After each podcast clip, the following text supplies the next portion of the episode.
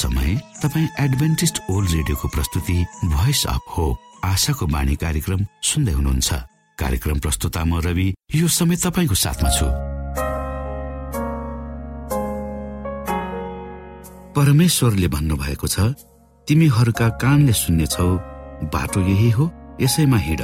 श्रोता आशाको बाणी कार्यक्रमले हामीले चुन्नु पर्ने बाटोको विषयमा हामीले हिँड्नु पर्ने बाटोको विषयमा जानकारी गराउने गर्दछ।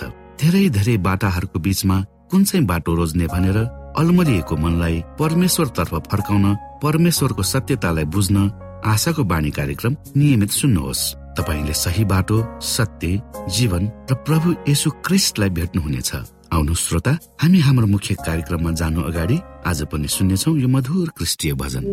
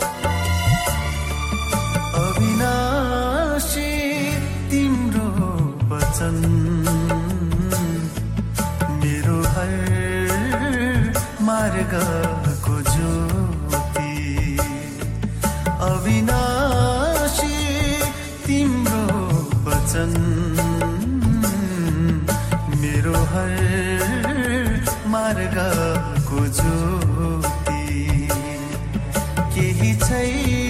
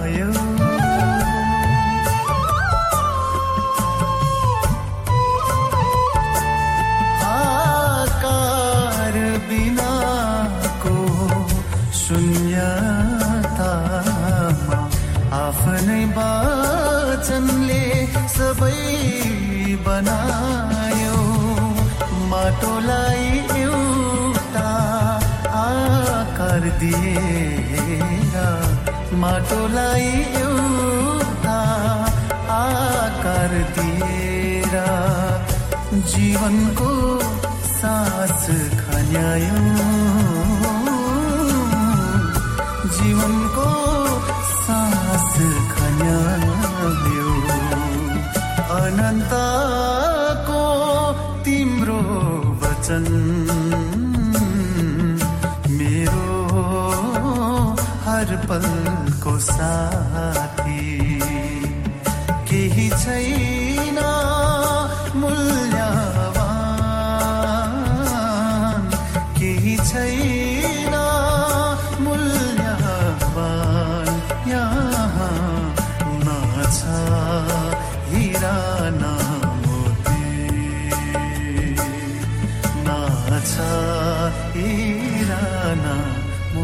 You.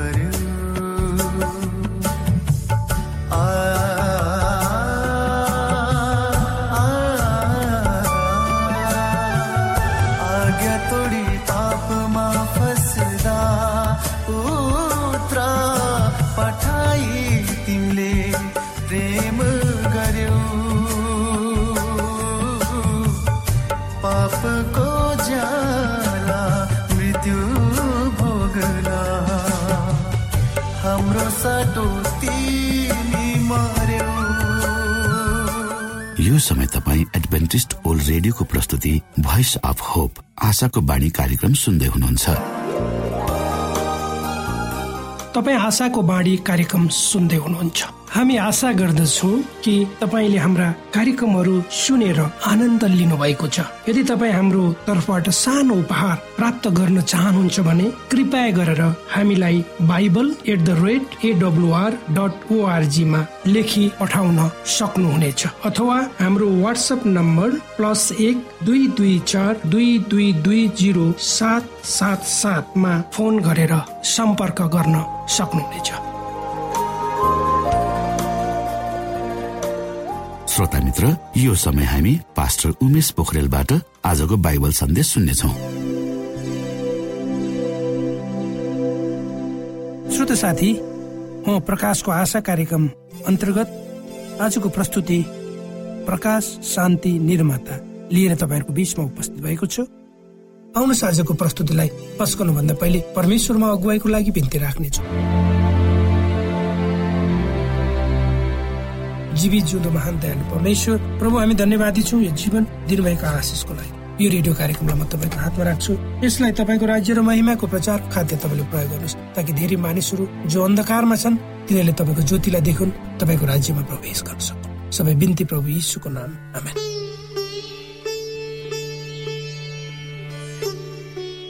श्रोत साथी म प्रकाशको आशा कार्यक्रम अन्तर्गत आजको प्रस्तुति प्रकाश शान्ति निर्माता लिएर तपाईँहरूको बिचमा उपस्थित भएको छु। धेरै वर्ष पहिले चिकित्सा विद्यालयले तनावको विषयमा विशेष जाँच गरेको थियो।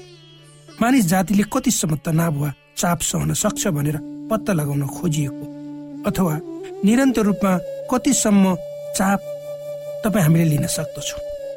उनीहरूले भेडाको एउटा सानो पाठोमा त्यो जाँच गर्ने निर्णय गरे। उनीहरूले भेडाको पाठोलाई खोरमा थुनिदिए र उनीहरूले भेडालाई देख्न सक्दथे तर भेडाले उनीहरूलाई देख्न सक्दैन। खोरमा विभिन्न ठाउँमा खाना खुवाउने ठाउँ तयार पारे अनि खाना खाने ठाउँमा विद्युत जडान गरे। जब भेडाको पाटो खान खोज्दथ्यो ती मानिसहरूले विद्युतको झड्का दिने गर्दथे।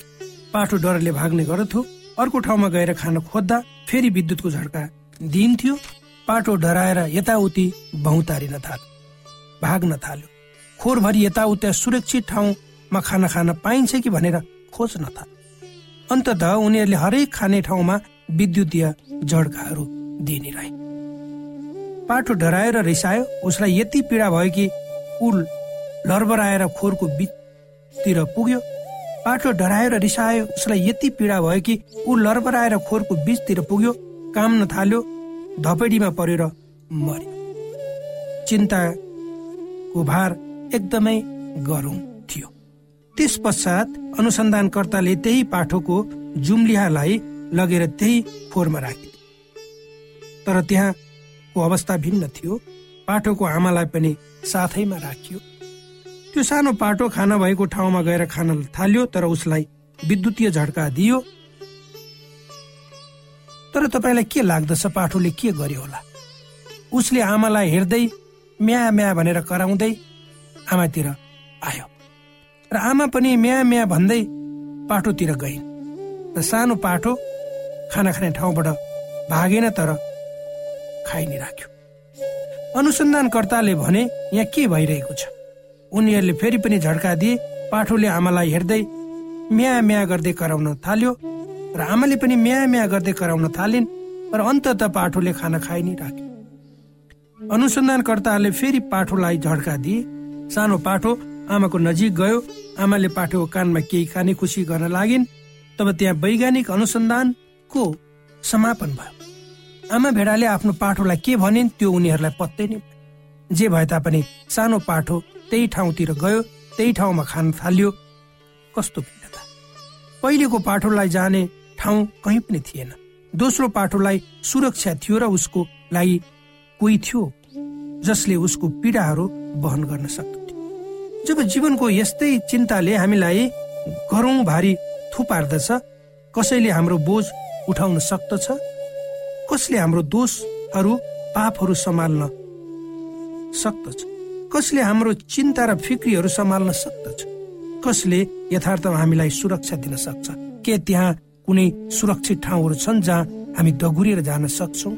सम्झनुहोस् यो सभाभरिको हाम्रो शीर्षक छ यदि यो बाइबलमा छ भने म विश्वास गर्दछु यदि यो बाइबलको विरुद्धमा छ भने यो मेरो लागि पनि होइन। प्रकाशको पुस्तक एक अध्यायदेखि बाइससम्म हामीले हाम्रो नायकलाई पाउँदछौँ र उहाँको नाम यसु क्रिस्ट चिन्ता र असुरक्षामा पनि हामीले उहाँलाई विश्वास गर्न सक्दछौँ। प्रकाशमा भएको सम्पूर्ण यसुको चिन्हहरूमा मरेको भेडाको अङ्कित चिन्ह सबभन्दा प्रतिष्ठित र बहुमूल्य चिन्ह हो। अरूभन्दा धेरै ठाउँमा हामी यो पाउँदछौँ। प्रकाशको पुस्तकमा यसु क्रिस्टलाई थुमा भनेर सत्ताइस पटक वर्णन गरिएको छ। प्रकाश पाँचको छले भन्छ तब मैले ती चार सजीव वस्तुहरू अग्रजहरूले वरिपरि घेरिएको सिंहासनको अगाडि एउटा भेडाको पाठो उभिरहेको देखे। त्यो भेडाको पाठो मारिएको थुमा जस्तो देखिन्थ्यो प्रकाश तेह्रको आठले भन्दछ यसु क्रिस चाहिँ अर्थात् तिनीहरूले जसको नाउँ संसारको सृष्टिदेखि नै मारिनुभएका थुमाका जीवनको पुस्तकमा लेखिएको छैन।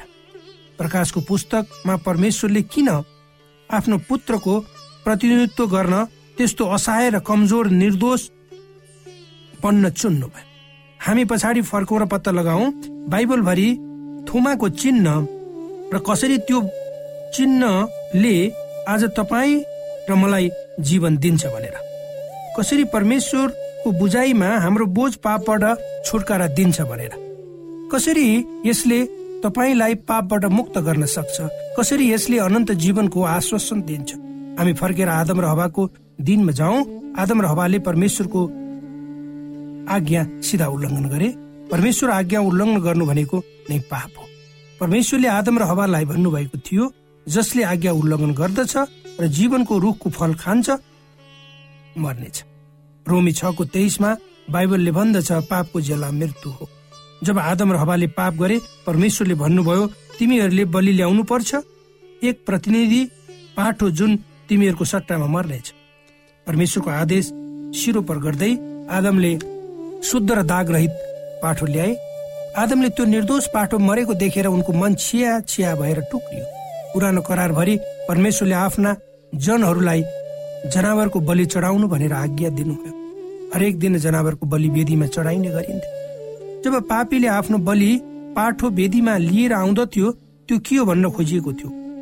जनावरको बलिले मानिसको जीवनको प्रायश्चित गर्न सक्दथ्यो अथवा त्यसले योभन्दा बढी प्रतिनिधित्व गर्दथ्यो हामीले कल्पना गरौँ ती दिनहरूमा योसिहा नाम गरेको इसरायली थिए उनी आफ्नो छिमेकीसँग रिसाउँथे र झगडा गर्दथे उनले आफ्नो छिमेकीको अनुहारमा हान्दथे र उसलाई भुइँमा पछार्थे।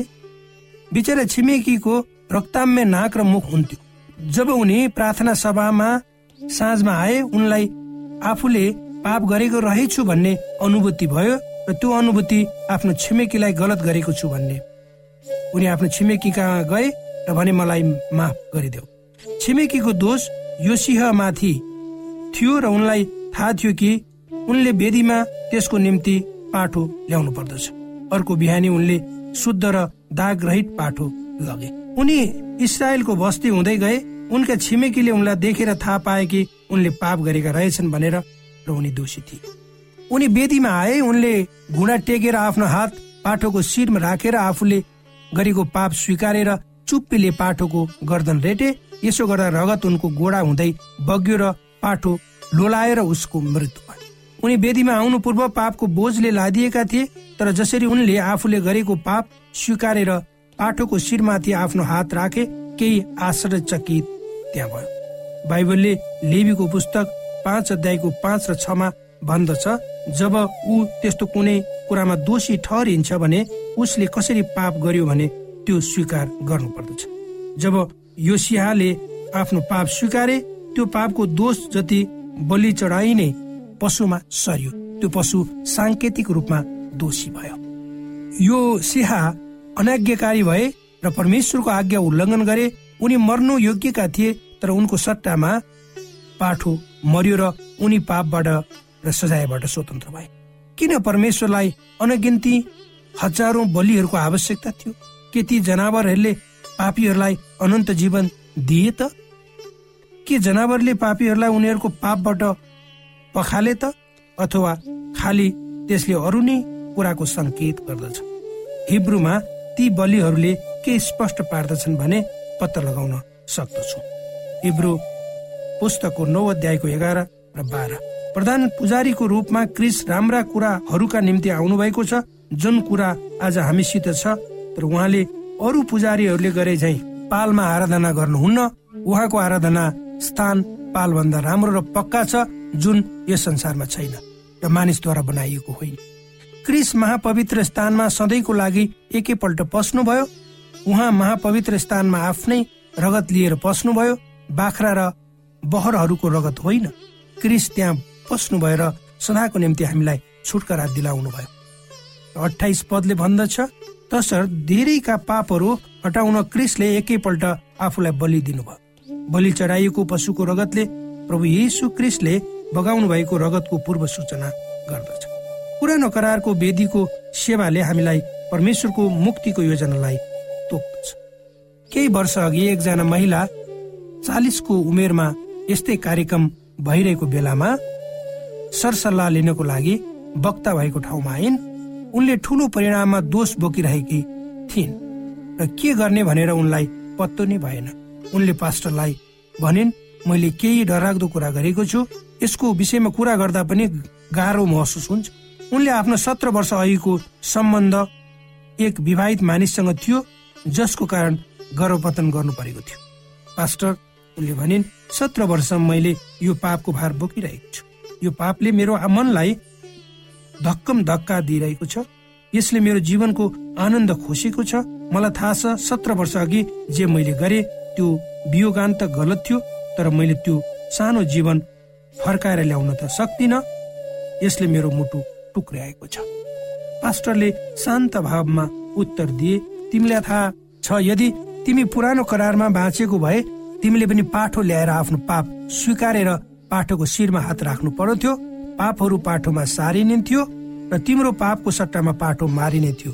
रगत चाहिँ वेदीमा चढाइने थियो तिमी स्वतन्त्र भएर हिँड्ने थियौ तिम्रो बोझहरू पछाडि हटाइएको छ भनेर। पास्टरले निरन्तर रूपमा भने तर हामी पुरानो करारको समयमा बाँचिरहेका छैनौ तर तिम्रो समस्या भनेको तिमीसँग पाठो छैन र तिमीले मुक्तिदातालाई स्वीकारेको छैनौ।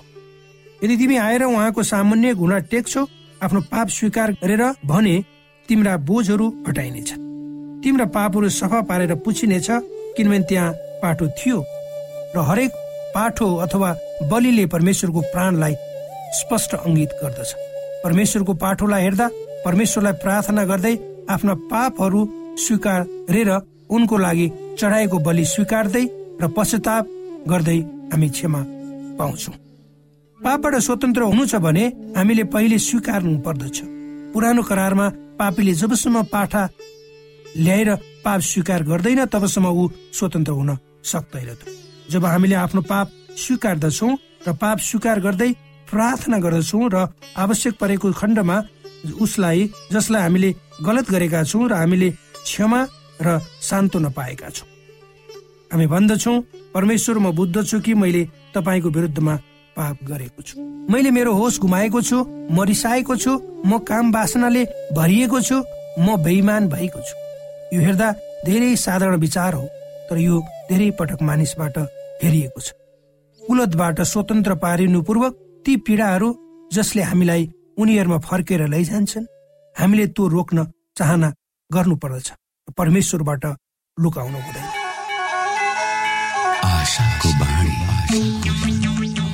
श्रोता भर्खरै यहाँले पास्टर उमेश पोखरेलबाट बाइबल वचन सुन्नुभयो। यो समय तपाईँ एडभेन्टिस्ट ओल्ड रेडियोको प्रस्तुति भोइस अफ होप आशाको बाणी कार्यक्रम सुन्दै हुनुहुन्छ। कार्यक्रम सुनेर बस्नुहुने सबै श्रोतालाई हामी हाम्रो कार्यक्रममा स्वागत गर्न चाहन्छौ। श्रोता मित्र यदि तपाईँ जीवनदेखि हरेस खानु भएको छ तपाईँका जीवनमा धेरै अनुत्तरित प्रश्नहरू छन् भने आउनुहोस् हामी तपाईँलाई परमेश्वरको ज्योतिमा डोहोऱ्याउन चाहन्छौ र तपाईँ आफ्नो जीवनका चिन्ता फिक्रीबाट निश्चिन्त हुनुहोस् र बाँच्नुको आनन्द परमेश्वरको सामिप्यमा कति मिठो हुन्छ त्यो चाख्नुहोस् भनी हामी चाहन्छौँ। श्रोता यदि तपाईँ आशाको बाणी कार्यक्रमलाई अनलाइन सुन्न चाहनुहुन्छ वा डाउनलोड गर्न चाहनुहुन्छ भने ओआरजीमा जानुहोस्। त्यहाँ तपाईँले प्रत्येक दिनको कार्यक्रम सुन्न र डाउनलोड गर्न सक्नुहुनेछ। हाम्रो वेब पेज यस प्रकार छ डब्लु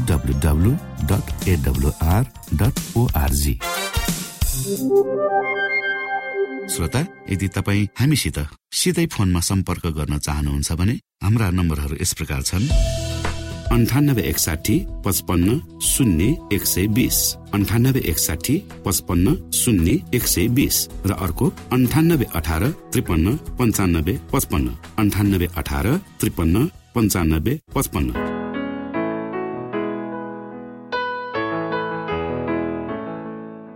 यो एडभेन्टिस ओल्ड रेडियो हो। तपाईँ आशाको बाणी कार्यक्रम सुन्दै हुनुहुन्छ। यस सम्बन्धी थप जानकारीको लागि कृपया गरेर हामीलाई सम्पर्क राख्न सक्नुहुनेछ। हाम्रो इमेलको ठेगाना bible at the rate AWR dot ORG अर्थात् BIBLE at AWR dot ORG हो। तपाईँ हामीलाई हाम्रो वाट्सएप नम्बर प्लस एक दुई दुई चार दुई दुई दुई जिरो सात सात सातमा पनि कल गरेर सम्पर्क राख्न सक्नुहुनेछ। अर्थात् प्लस एक दुई दुई चार दुई दुई दुई जिरो सात सात सात। आदरणीय मित्र बाइबलले बताएको छ परमेश्वरले तिर्खाकाहरूलाई तृप्त पार्नुहुन्छ र भोकालाई उत्तम पदार्थले सन्तुष्ट पार्नुहुन्छ।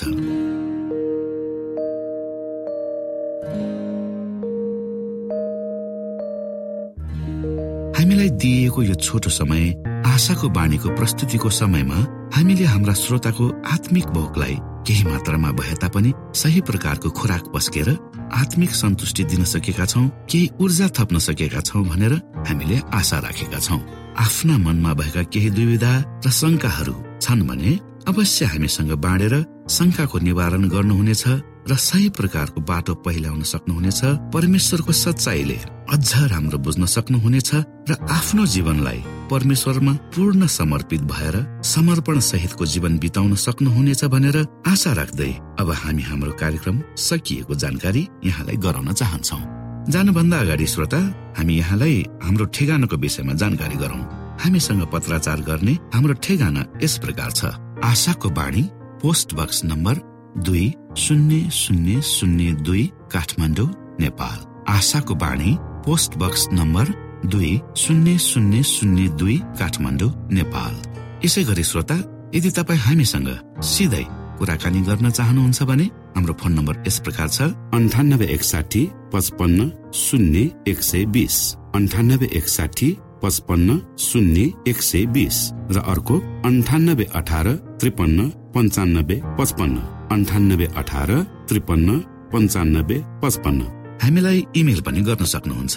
हाम्रो इमेल एड्रेस यस प्रकार छ Nepal at AWR dot ORG Nepal at AWR dot ORG यदि तपाईँ हामीलाई अनलाइन सुन्न चाहनुहुन्छ वा डाउनलोड गर्न चाहनुहुन्छ भने तपाईँ डब्लु डट एडब्लुआर डट ओआरजीमा जानुहोस् र त्यहाँ तपाईँले हाम्रा सबै कार्यक्रमहरू सुन्न सक्नुहुनेछ। हाम्रो वेब पेज यस प्रकार छ W dot AWR dot ORG श्रोता यसमा गएर तपाईँले हाम्रा दैनिक कार्यक्रमलाई सुन्न सक्नुहुनेछ र डाउनलोड पनि गर्न सक्नुहुनेछ। हवस् श्रोता हाम्रो कार्यक्रम सुनिदिनु भएकोमा एकचोटि फेरि यहाँलाई धन्यवाद दिँदै भोलि फेरि यही स्टेशन यही समयमा यहाँसँग भेट्ने आशा राख्दै प्राविधिक साथी राजेश पास्टर उमेश पोखरेल र कार्यक्रम प्रस्तुता म रवि यहाँसँग विदा माग्दछौ। परमेश्वरले तपाईँलाई धेरै धेरै आशिष दिनुभएको होस्। नमस्कार।